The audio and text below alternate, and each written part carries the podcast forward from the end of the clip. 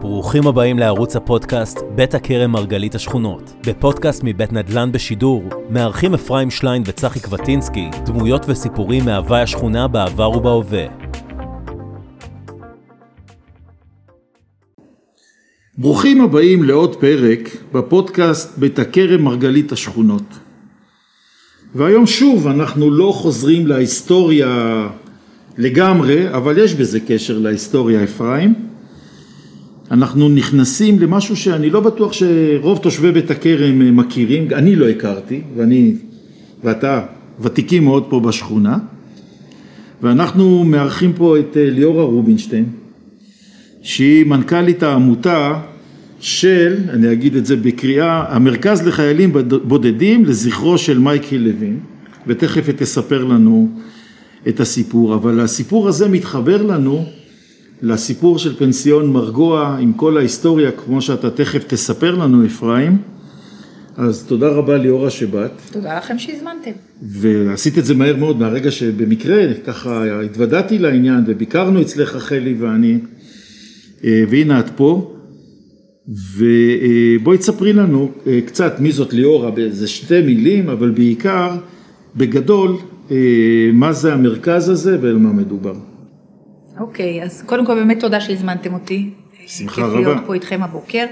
אז אה, כמו שהצגת אותי, אני ליאורה, ואני אה, היום אה, מנכ"לית המרכז לחיילים בודדים לזכרו של מייקל לוין, בוגרת צה"ל, הייתי 30 שנה בצבא הגנה לישראל, פרשתי לפני כשבע שנים בדרגת סגן אלוף, ובאמת קראו לי החברים שלי ואמרו לי בואי יש עמותה שמתעסקת בחיילים בודדים, זה בדיוק את, בואי אה, לנהל את התוכנית של אה, חסרי העורף המשפחתי. אה, בהתלבטות, כי רציתי להיות במקום של בטן גב, ים, ספרים, לעשות מה שבא לי ולצאת לפנסיה אמיתית. הצליחו לשכנע אותי כי המשימה הייתה חשובה, ובאמת מצאתי את עצמי כבר שש שנים בתוך המקום הזה. מתרגשת כל בוקר שאני קמה עם חיוך של עשייה. זה סוג אחר של בטן גב, בגלל שזה סיפוק. זה אדיר. ממלא את הבטן, אתה צודק, זה פשוט ממלא את הבטן ואת הלב, כי uh, באמת תחושה של סיפוק אדיר, ואני בחמש שנים האחרונות במרכז הקמתי את תוכנית uh, חסרי עורף המשפחתי, ובשנה האחרונה אני ממנכ"לת העמותה, ואני אגיד מילה על המרכז, אז באמת מייקל לוין היא עמותה שקיימת מ-2009, הוקמה לזכרו של מייקל, מייקל חייל בודד עולה מפילדלפיה, שנפל לצערנו במלחמת לבנון השנייה, בזמן שהוא נכנס עם חבריו מהצנחנים ללבנון, ואביו המאמץ, ציק יהוד, יחד עם אה, החברים הטובים שלו, הקימו מרכז קטן שכל מטרתו הייתה לתת בית חם לחבר'ה האלה שיבואו, ישבו, ידברו בשפתם, יאכלו וינוחו משגרת השירות העמוסה. והמרכז הקטן הזה הלך וצמח והפך להיות עמותה מובילה איפה המרכז הזה כאן? חיילים בודדים. הוא התחיל את דרכו בעיר בירושלים, באזור אה, יפו. ו... אה, באזור מעברי החצייה, ליד צבא נכון, ראשם. נכון, נכון, נכון. ובשנתיים האחרונות הסטנו אותו אה, לבית הכרם כתוצאה מהצעה אה, שנקרא בפתחנו אה, מעיריית ירושלים, להקים בית לחיילים בודדים אה, פה בשכונה ולהעתיק את המרכז עצמו לתוך הבית ותכף נרחיב קצת על הבית. אני רק אומר שהעמותה, הייחודיות שלה זה שב-2014 בצוק איתן בעצם דרורית ניצני יחד עם עוד אנשים טובים ייסדו את התוכנית לחסרי העורף. אותה ניצני המפואר. אותו אשתו, יאיר, אשתו של, של יאיר ניצני. שהיום אנחנו אומרים הוא שעוש... בעלה של. היום הוא בעלה אה, של, והם עושים דברים מדהימים. נכון, נכון. הייתה להם הם, תוכנית בטלוויזיה. נכון. אז הם אימצו חייל בודד ישראלי בצוק איתן, שדרכו הם נחשפו לעובדה שיש כל כך הרבה חיילים בודדים שהם בכלל ישראלים, שגדלו ונולדו פה, והם מנותקי קשר עם המשפחות שלהם בכל מיני טעמים. ושם נוסדה תוכנית חסרי העורף בתוך עמותת מייקל לוין, ומאז אנחנו באמת מלווים פה שתי תוכניות, תוכנית עולים ותוכנית חסרי עורף, בשלושה מרכזים, בתל אביב, בירושלים ובבאר שבע. אז אחרי שככה עשינו את ההקדמה שכבר מספרת לנו, אנחנו מדברים, אני חושב שאנחנו לא יכולים, הרי בסוף אנחנו בבית הכרם, ואת אה, רואה את המקום הזה, מהמקום שבאתם ומצאתם את הבית היפה הזה, ותכף נבין למה הוא נהיה כל כך יפה, אבל אפרים, ככה, תן לנו איזו סקירה היסטורית, כולל על התקופה עד שהם נכנסו לשם, אה, על פנסיון מרגוע, הוא הבניין, ומה הוא מסמל בשכונה, וכל מה שקשור אליו, והדמויות שקשורות אליו. טוב, המילה פנסיון מרגוע היא הסמל לתקופה שבית הכרם הייתה מקום שמכל הארץ היו מגיעים אליו לקיץ ולנופש, לשהות ארוכה בימים של עונות הקיץ, להחליף את האוויר החם והלח של תל אביב והשפלה, לאוויר הרים עשיר באוזון בין עצי שכונת בית הכרם. לא חיפשו חופש לא בקפריסין ולא בקוס ולא בשום מקום. ושושנה קליינר הגיעה מהרצליה והקימה את פנסיון מרגוע, תחילה ברחוב בית הכרם 25 ואחר כך העתיקה אותו לרחוב בית הכרם 29 והרבה שנים המקום פעל כפנסיון מרגוע. אני חושב שבסביבות שנות ה-70 היא העבירה את הבית לפועל המזרחי שהקימו בו בית אה, אבות שנקרא תפארת בנים היא עצמה הלכה והקימה את מלון נווה שושנה ברחוב בית הכרם, ברחוב בית הכרם חמש, ועסקה בענייני אה, מלונאות ואירוח, לדעתי עד אה, הרבה מעבר לגיל 90. מה סוג האוכלוסייה שהיו מגיעים למלונות האלה? רגע, שנייה אחת, הגברת שושנה קליינר, רק נסיים, שיש לזכרה כיכר פה ברמת בית הכרם, ליד אה, משה קול ברחוב אביזוהר. וגם עליה ועל הקייטנות שהיא פיתחה אנחנו נעשה פודקאסט עם הבת שלה נעמי שון. עכשיו, מי היו הקייטנים? הקייטנים היו אנשים שבאו ורצו גם להחליף אוויר וגם לספוג מהאווירה של בית הכרם. הרי לבוא לכאן ולהשתלב בחיי היומיום של השכונה, שזה לא היה עידן הטלוויזיות והמופעים, להתהלך ברחובות השכונה, לשבת בגינות, לשבת אה, מול מרגוע היה בית קפה, קפה רביב, ברחוב החלוץ 24, עם מוזיקה, עם ריקודים, אז היה פה... לא בטוח שהרבה אנשים יודעים את זה. נכון. אז, מה זה יודעים? קודם כל, כל מי שיקרא את הספר בית הכרם מרגלית השכונות, הכל פרוץ לפניו. אבל אנחנו פה בשביל לספר את הסיפור. וכשזה הפך לבית אבות, אז זה היה דיור, אה, בית דיור מוגן, ואפילו דוד גרוסמן, סופר, הסופר, בן השכונה. שגם הוא תושב השכונה. בן השכונה כתב אנחנו ספר. גדלנו עם אחיו, עם ניר. אז דוד גרוסמן כתב ספר לילדים שנקרא דו-קרב, שעוסק בפעילות של ילדים שבאים להתנדב מטעם התיכון בבית האבות, ומשחקים דו-קרב שם בבית אבות תפארת בנים, אבל כל השנים זה היה נקרא מרגוע. אה, עם השנים הבית לא התאים לקריטריונים של משרד העבודה לענייני דיור של אוכלוסייה מבוגרת, כמו שמלון רייך לא מתאים לדיור של תיירים, והבית נמכר לקבוצת יזמים שרצו להקים בו בית החלמה ליולדות. חרדים. שזה לאוכלוסייה חרדית. מה על ה... אנחנו מדברים היום הרבה על סבלנות והתחשבות בחברה הישראלית. מה צריך להכניס פה בלב שכונת בית הכרם? מוקד של חיכוך. והיה התנגדות של התושבים, תושבות, אה, שתי, שתיים או שלוש תושבות אה, קיבלו סיוע וניהלו מאבק. בסופו של דבר הפתרון שנמצא זה באיזשהו הסדר שאני לא, לא מכיר אותו, להעמיד אותו לרשות העמותה של החיילים הבודדים. זאת אומרת, זו הייתה התערבות של עיריית ירושלים, כן, שבסוף כן. היא הגיעה למה שעכשיו הגענו. אני רק אגיד במשפט אחד, שאם יש רחוב בבית הכרם שאני קורא לו בניינה של מולדת, זה רחוב החלוץ. והעובדה שהבית הזה נמצא ברחוב החלוץ, באמצע השכונה, זה מעין הגשמת חלומם של מייסדי בית הכרם, ששאלו אותם, וסיפרתי את זה פעם, למה הקמתם את השכונה? רצינו לתת לילדים שלנו תחושה של בית ומולדת. ותמיד השכונה גאה בבני בית הכרם שיצאו בשירות האומה, ואיך הם עזרו לבני בית הכרם שיצאו בשירות הבריגדה והמחתרות והצבא וכל הדברים.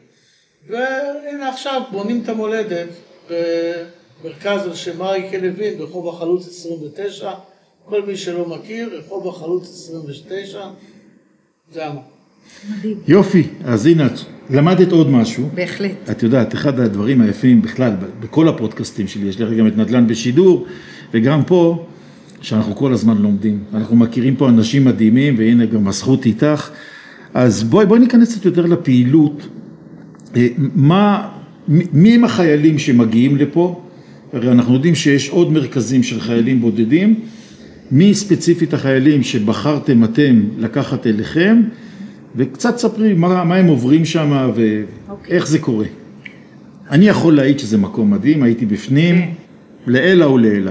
אז אחד אני אומר באמת שהחיבור הוא מדהים, כי באמת כמה סימבולי זה שברחוב החלוץ נמצאים סוג של חלוצים שהגיעו מחו"ל לשרת את המדינה ולתרום כדי אה, אה, לשרת בצבא. אמרת שלא אז, רק מחו"ל, לא ש... אז כן, אז, אז בגדול, אה, הבית מורכב מחיילים בודדים עולים וחסרי עורף, 70 אחוז מהם הם עולים ועוד 30 אחוז הם חסרי עורף בהגדרה, כחלק מהסיכום שלנו עם העירייה, גם, סליחה, במכרז, נסגר התמהיל, מה התמהיל של הצעירים שהם רוצים לראות בתוך הבית, אז יש בבית הזה חיילים עולים יחד עם חיילים ישראלים, שהחיבור הזה הוא מדהים לראות את האינטגרציה ביניהם והשילוב. יש שם נשים וגברים, יש שם אה, חיילים דתיים וחיילים חילוניים. זאת אומרת, באמת הבית הזה הוא סוג של קיבוץ גלויות קטן, שיושב באמצע אה, השכונה ומשרת את החיילים. הבית שלנו נמצא, בבית נמצאים 55 חיילים שזה לא מעט, הוא בית שבנוי באמת שלוש קומות אה, מדהימות שמאוד השקענו בו יחד עם העירייה, בעיצוב, בלתת תחושה של בית ושל מקום שאתה תרגיש. הוא כבר היה אבל משופץ במידה מסוימת, מוכן, ל, מוכן ליולדות. נכון, אבל עשו לו התאמה לסגנון, לשירות החיילים, עם סלון אה, אה, בסגנון אחר, והתאמה של האריות וכולי לצעירים ולא...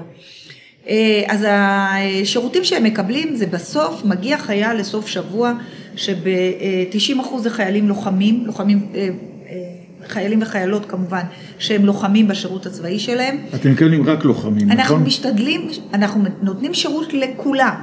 בבתים, בבית הספציפי, בבתים שלנו, יש לנו חמישה בתים בירושלים, בכל העיר. אנחנו משתדלים שאלה יהיו חיילים לוחמים.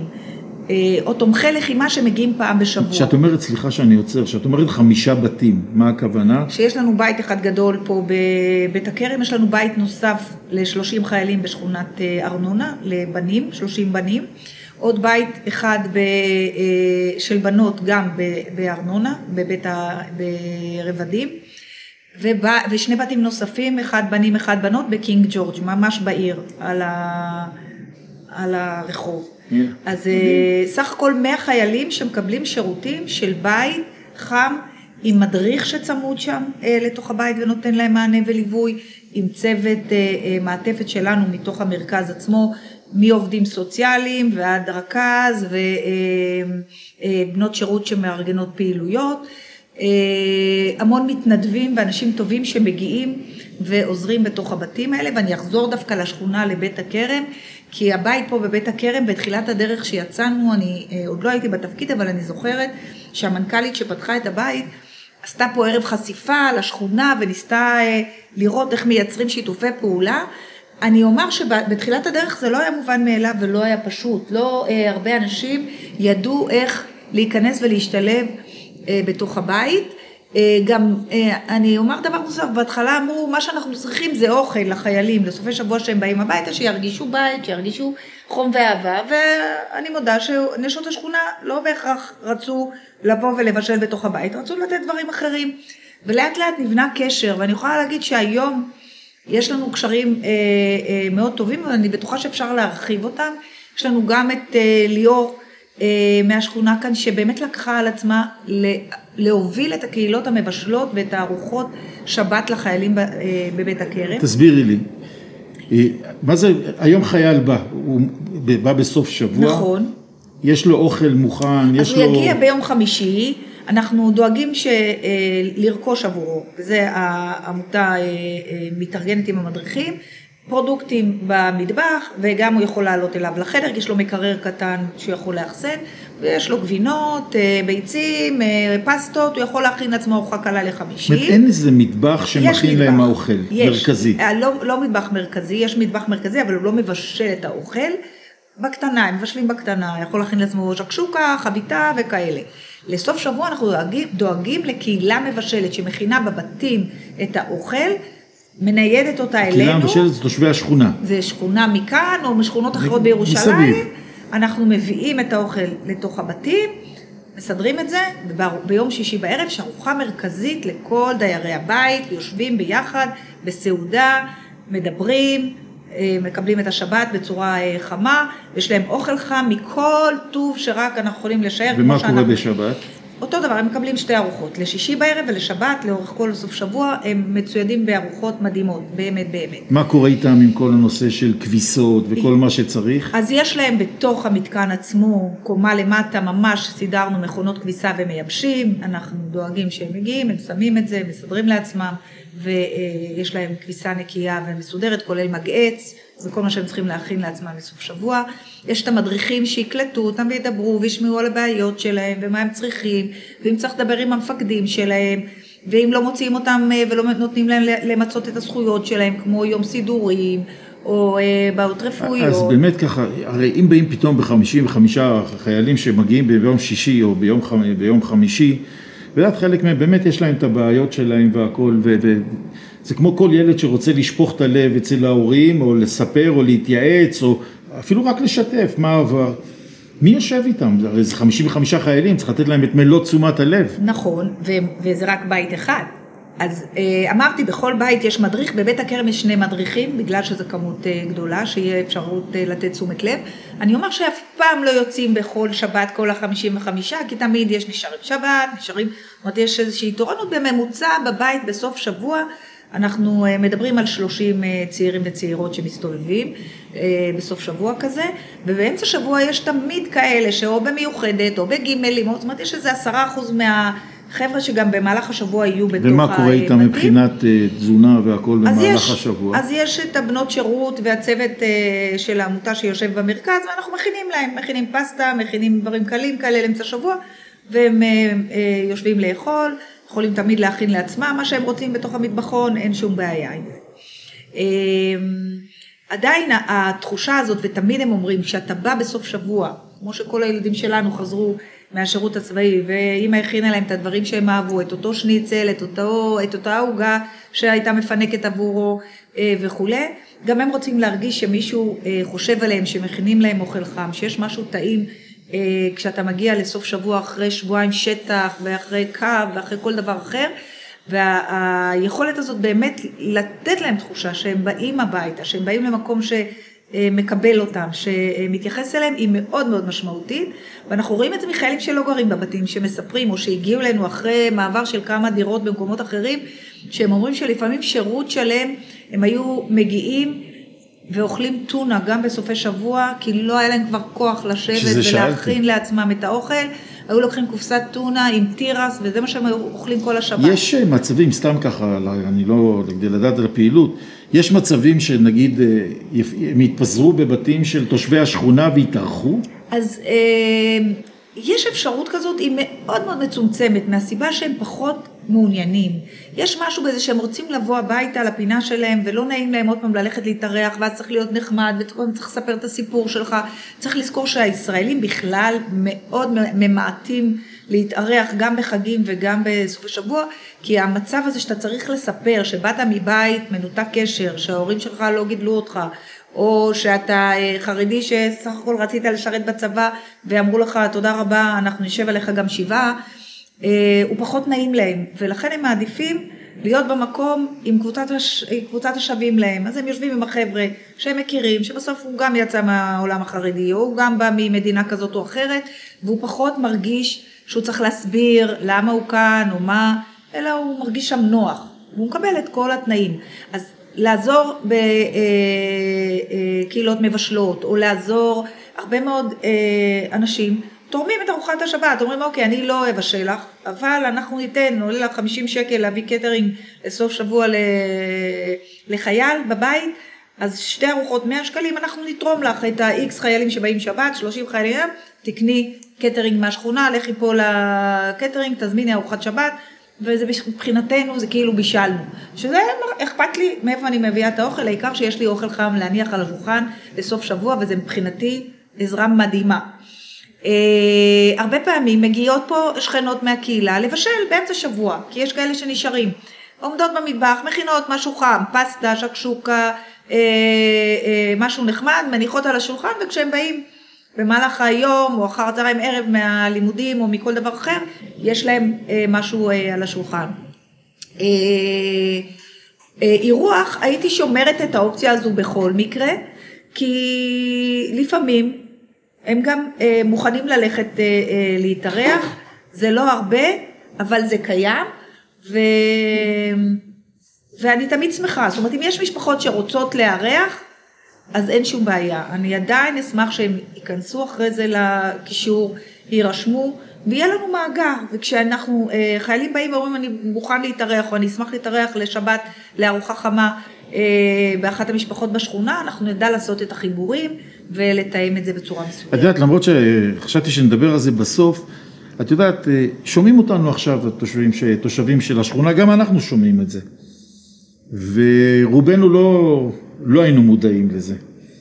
והם אומרים, אוקיי, אז אנחנו רוצים עכשיו לסייע.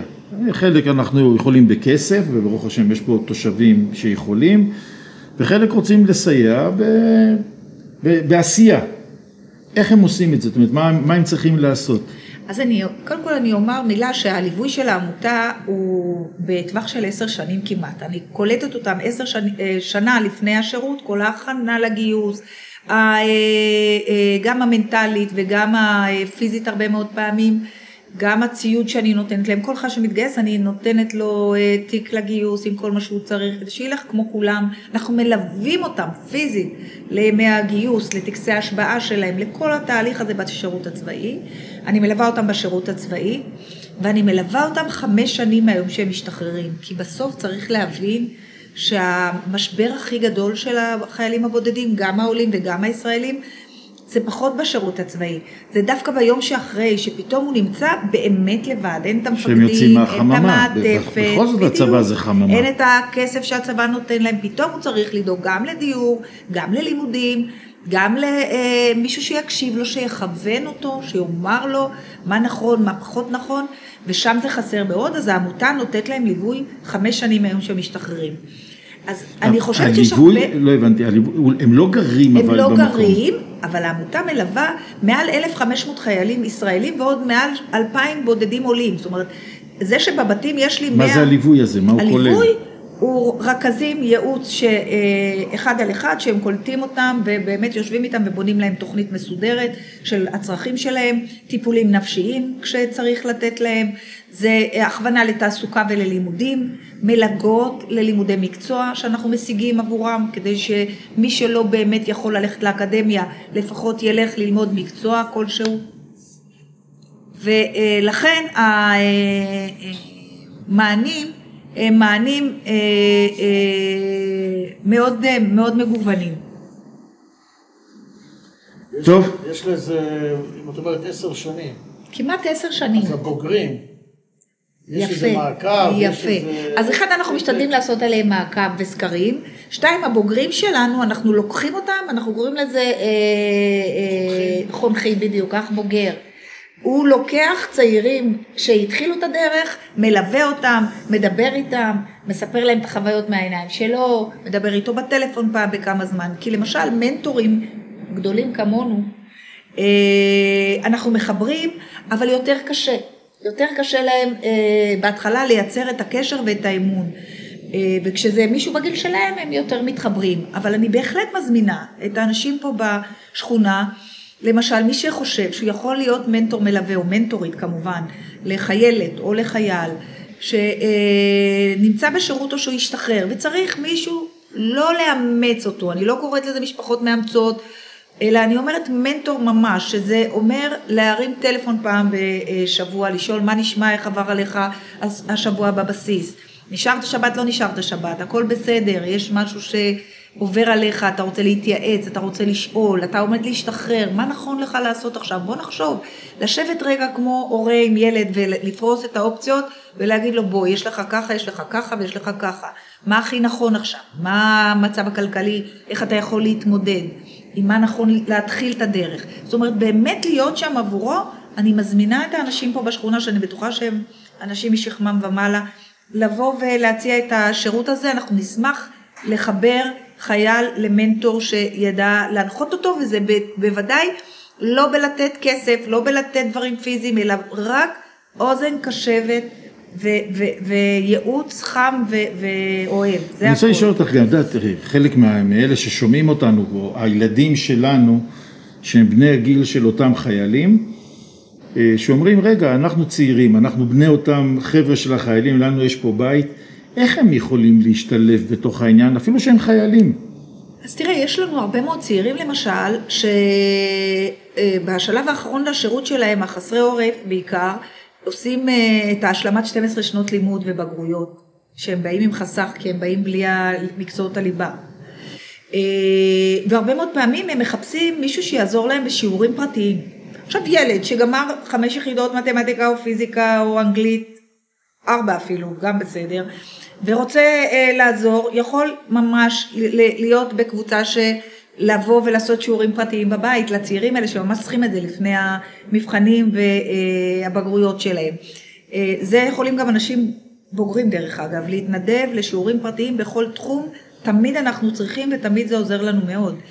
אה, אפשר לבוא, אמרתי, אה, לעשות, אנחנו, יש לנו גינה מקסימה למשל, אני לא צריכה לתפעל אותה כמו שצריך.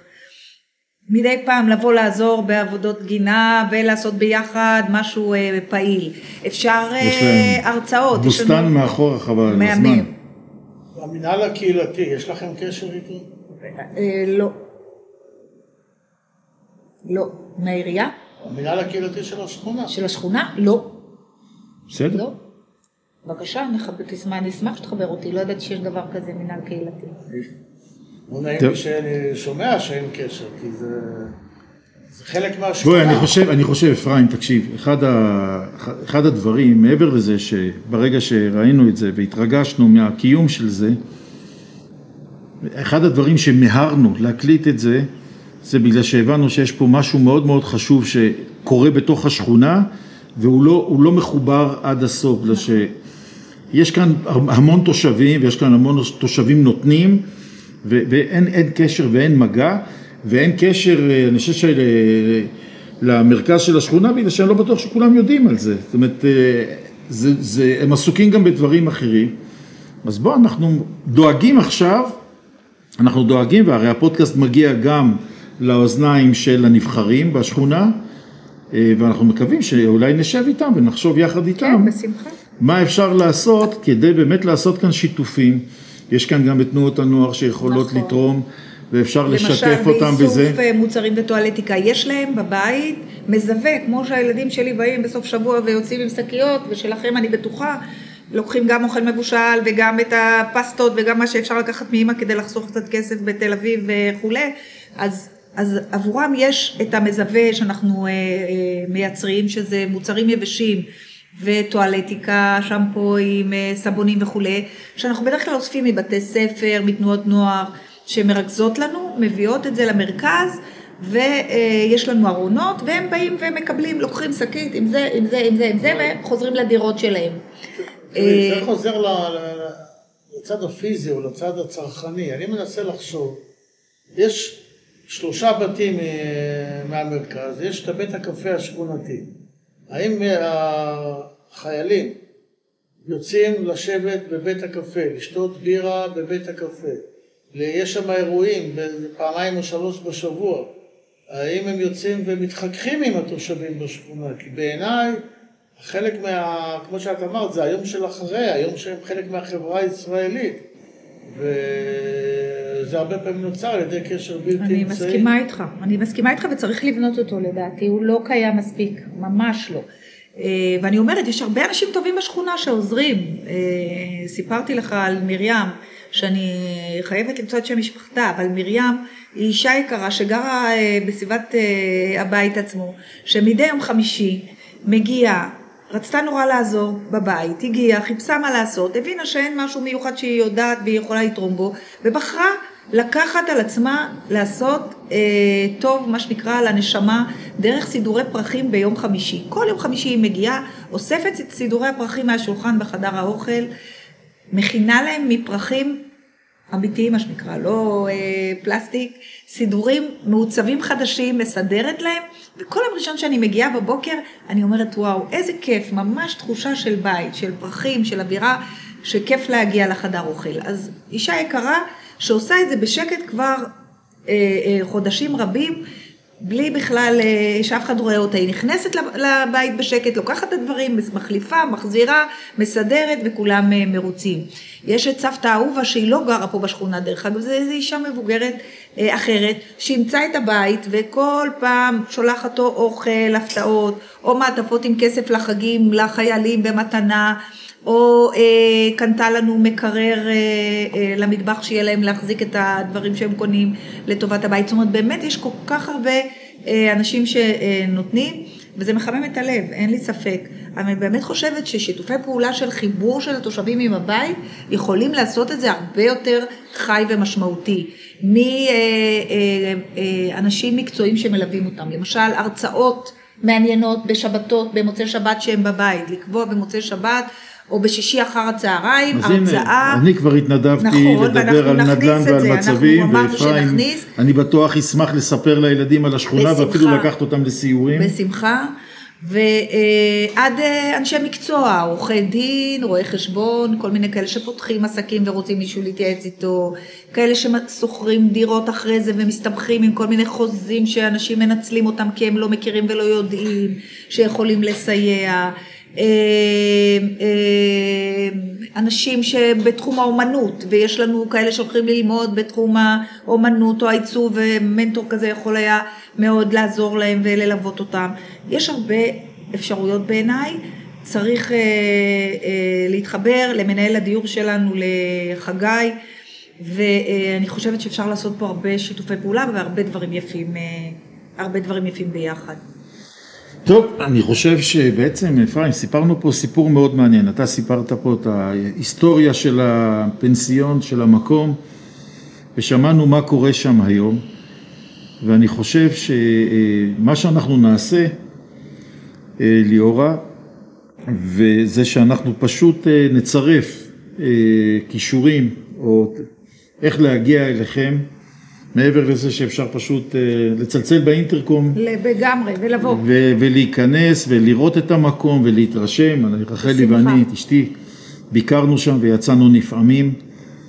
איך אה, הגעת? הלכת ברחוב וצלצלת? לא, אנחנו, לא. אני, זה, אני, במקרה לא, שמעתי... אני רוצה לומר, אנחנו לא בעידן, או עברנו את העידן... שמטיילים ברחוב. שמישהו רואה מרכז... לא, לא, אנחנו מספרים לאנשים שיכולים לגשת לשם יזום. ודופק בדלת. אנחנו צריכים לחשוב יותר, גם בשיחות החופשיות שלנו עם אנשים בשכונה, וכולל אנשים שאנחנו מכירים, אולי צריך פעם בעצמנו להיכנס ולהבין יותר ולראות את האנשים. בשמחה. כמו שאמרת, ברגע שאני אעשה להם סיור, אז כבר יהיה לי דיבור בלתי אמצעי. אם מי שירצה לבוא לסיור ולהבין מה זה השכונה הזאת ומה... אין ספק שבמה שאנחנו עושים כאן אפרים ובשיח וברעיונות שיכולים להיות בין שילובים של סיורים עם תושבי השכונה ואחרים והחבר'ה החיילים כל מיני דברים אין ספק שגם כאן גם ליאורה נפתח כאן המקום והראש כדי לעשות פה שיתופים בשכונה. בשמחה. ויש לנו סך הכל שכונה עם אנשים איכותיים ושכונה מחבקת ואני מאמין שרק טוב יצא מהפרק צריך, הזה. צריך שנחבק את החיילים בשגרה, לא כמו שידענו בימי נכון. המלחמות, כמו הצנחנים, שאז אנחנו מתפארים כמה חיבקנו את הצנחנים לפני שהם יצאו לעיר העתיקה ב-67. או את התותחנים. שהיו אחרי הבית של ההורים שלי, ב-48, ודאגנו להם לעוגות ולפרחים. שישבו פה נכון. במלון רייך וזה, אנחנו צריכים, אתה צודק. לדעתי אנחנו- זה יכול לתת הרבה תנופה חברתית ורוחנית לקהילה של בית הכרם. אני אגיד שחשוב לנו, אנחנו כל פעם, אנחנו עכשיו אמורים לחדש את ההסכם שלנו עם העירייה, אנחנו אה, סיימנו אה, שנתיים, באוקטובר אנחנו מסיימים שנתיים בבית, ואנחנו מקווים לחידוש כמובן אה, של הקשר עם העירייה, כי אני חושבת שבאמת הבית הזה משמעותי וחשוב שהוא יישאר בשכונה. עוד דבר שחשוב לי להגיד, שלפעמים תושבים, יש רתיעה שהם שומעים בית של חיילים משוחררים, אה, לוחמים, אז הם אה, חושבים, וואלה, כל הסוף שבוע הלך לנו, ויהיה לנו פה רעש, ויהיה לנו פה מוזיקה, ויהיה לנו פה הפרה של השלווה, וזה בכלל בכלל לא נכון. זאת אומרת, חיים פה בהרמוניה, הבית של החיילים והתושבים, וזה מאוד חשוב להגיד שמהפלוס והפלוס הזה צריך שיצא פלוס בריבוע. נכון. תראה, אני לא אגיד שזה לא אזור צעיר יחסית, זאת אומרת, אנחנו מאירים את השכונה, ויש לפעמים בטח מוזיקה וכולי, אנחנו מקפידים לשמור על שכנות טובה, ולא לעשות רעש אחרי 11, והמדריכים מקפידים לשמור על, על התנהגות נאותה וכולי, תמיד בטח יש חריגות וכאלה בשיח השכונתי לא שמעתי בדיוק, תלונות אז על אני שמחה, אז זה אומר על שאנחנו... הנושא הזה, וכאחד שגר בכיכר דניה, אז הרבה לילות בקיץ יש לי רעש, ואני אומר שהילדים יהיו בריאים, ושיהיו בכיכר, ושיחזרו בבית, לישון. בשלום בבית. נכון, נכון, ליאורה, כן. המון תודה שבאת וסיפרת לנו את הסיפור, המון תודה על העשייה. שלכם. אתם עושים, אה, בלי קשר לשכונה, אתם עושים אה, עבודת קודש, וזה שזכינו שבשכונה שלנו זה קורה, אז זה כבוד גדול. אפרים, שוב תודה על כל הידע שאפילו לא הייתי צריך להגיד לך להתכונן, אתה שולף אותו, אתה שולף אותו מהשרוול, וכמו שאמרתי, אנחנו נצרף אה, לינקים איך אפשר להגיע אליכם. ולכולם, אנחנו נתראה בפרקים הבאים, ותודה רבה לכם. תודה רבה לכם. תודה רבה. היה תענוג.